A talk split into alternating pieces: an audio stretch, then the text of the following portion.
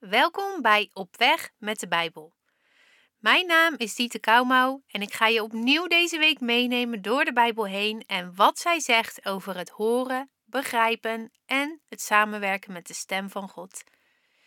In de vorige aflevering leerde je het verschil tussen Gods stem horen of kennen. En ik ben heel benieuwd wat jij deze week daarin hebt geleerd of hebt ontvangen.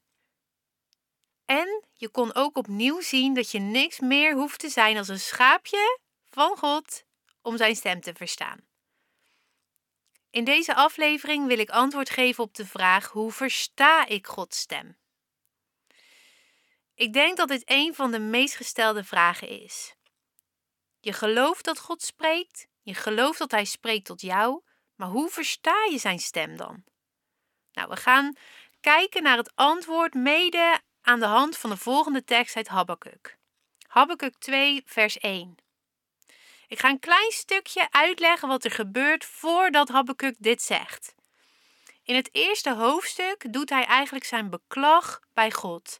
Hij zegt: Heer, ziet u dan niet wat er gebeurt in de wereld? Het is echt verschrikkelijk. En doet u dan niks en ziet u het dan niet? En hij klaagt eigenlijk en hij stort zijn hart uit bij God. En ik geloof, weet je, dat we dat altijd mogen doen. God is betrokken bij ieder deel van ons leven. En hij wil ons stem horen, hij wil horen wat er in ons hart leeft. Maar dan gebeurt er dit. Aan het begin van hoofdstuk 2, dan zegt Habakkuk eigenlijk iets bijzonders. Hij stopt met klagen en dan zegt hij dit. Ik ging op mijn wachtpost staan, ik nam mijn plaats in op de vestingwal en ik keek uit om te zien wat God spreken zou en wat hij zou gaan antwoorden op mijn aanklacht.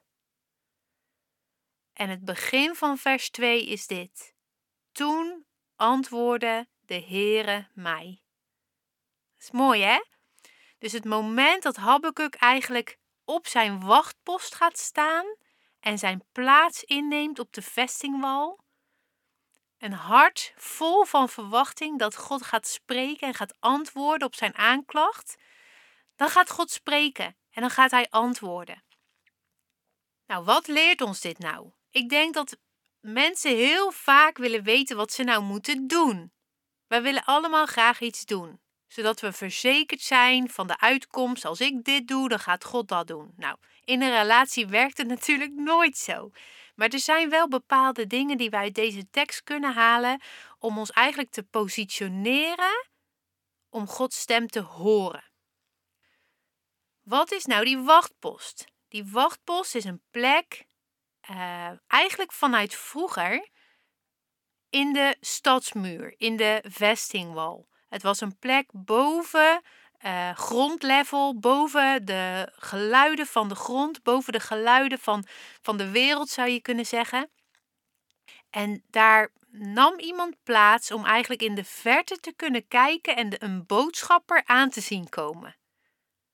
Dat is een mooi beeld, hè? Dus op die plek ging je staan, niet zomaar eindeloos om te wachten. Nee, dit was een plek waarvan je wist: als ik ga staan, dan kan ik in de verte zien en dan zie ik de boodschapper aankomen.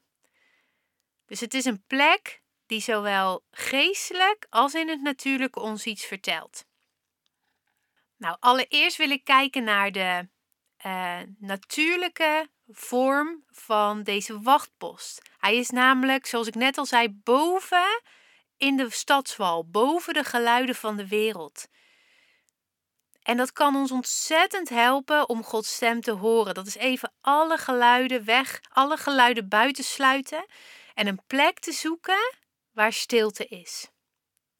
Nou, dit hoeft niet perfect te zijn. Ik denk wel eens dat mensen toch een, een te perfect beeld hebben van hoe hun tijd met God eruit moet zien. Je ziet er wel eens de prachtigste plaatjes van, van met, een, met een heerlijke kop koffie en een perfecte kreukeloze Bijbel en een mooie omgeving en aan een stromende rivier en daar hebben dan mensen tijd met God. Nou, dat is natuurlijk fantastisch, maar in het dagelijks leven ziet het er gewoon vaak anders uit. Je hebt een, druk, een drukke baan, je hebt misschien een gezin, je hebt, je hebt een drukke agenda.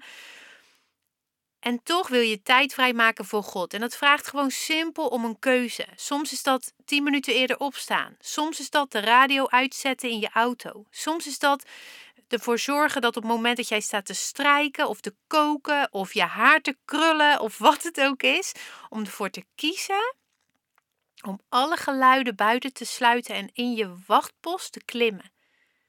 Ik noem het graag de verwachtingspost. De plek waarvan je gaat geloven en verwachten dat God gaat spreken. En deze plek kan overal zijn. Overal in je leven kan deze plek plaatsvinden. Maar het is goed om echt een keuze te maken. Misschien zeg je: Mijn verwachtingspost, dat wordt mijn autorit tussen huis en werk. Mijn verwachtingspost wordt uh, het moment dat ik s'avonds uh, aan het koken ben. Mijn verwachtingspost wordt misschien uh, het half uur voordat ik naar bed ga. Maar het is goed om echt daarin een actieve keuze te maken. Niet omdat je dan bij God punten verdient, maar omdat je Hem gewoon veel beter gaat verstaan. Weet je, het is niet de vraag of dat God spreekt, het is de vraag of dat jij Hem kan leren verstaan.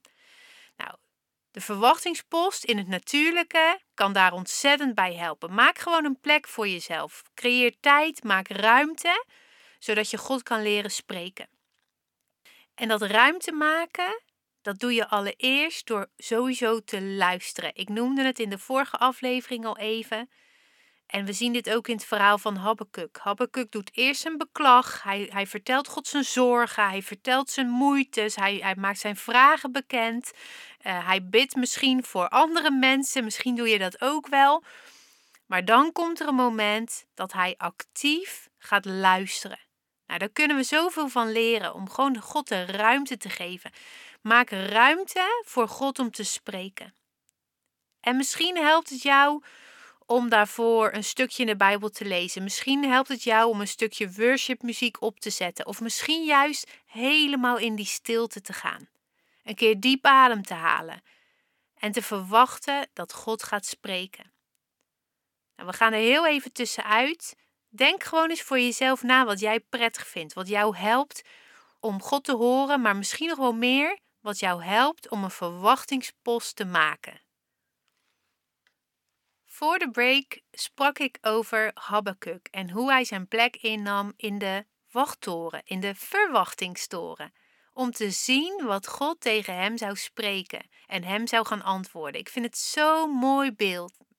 We hebben ook even gekeken naar hoe zo'n verwachtingspost eruit kan zien in het natuurlijke.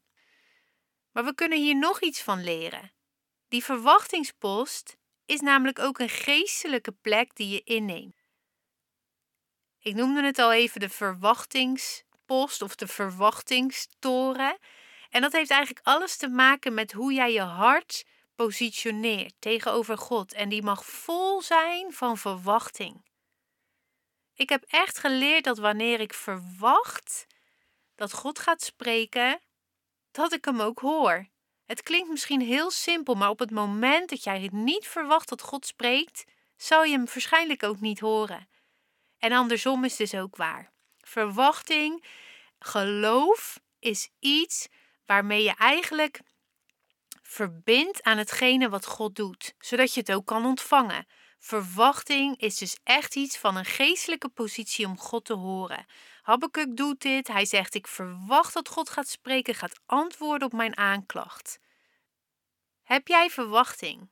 Heb jij verwachting dat God gaat spreken? Of denk je dat het voor God eigenlijk niet belangrijk is, waar jij een antwoord op wil? Het kan, hè?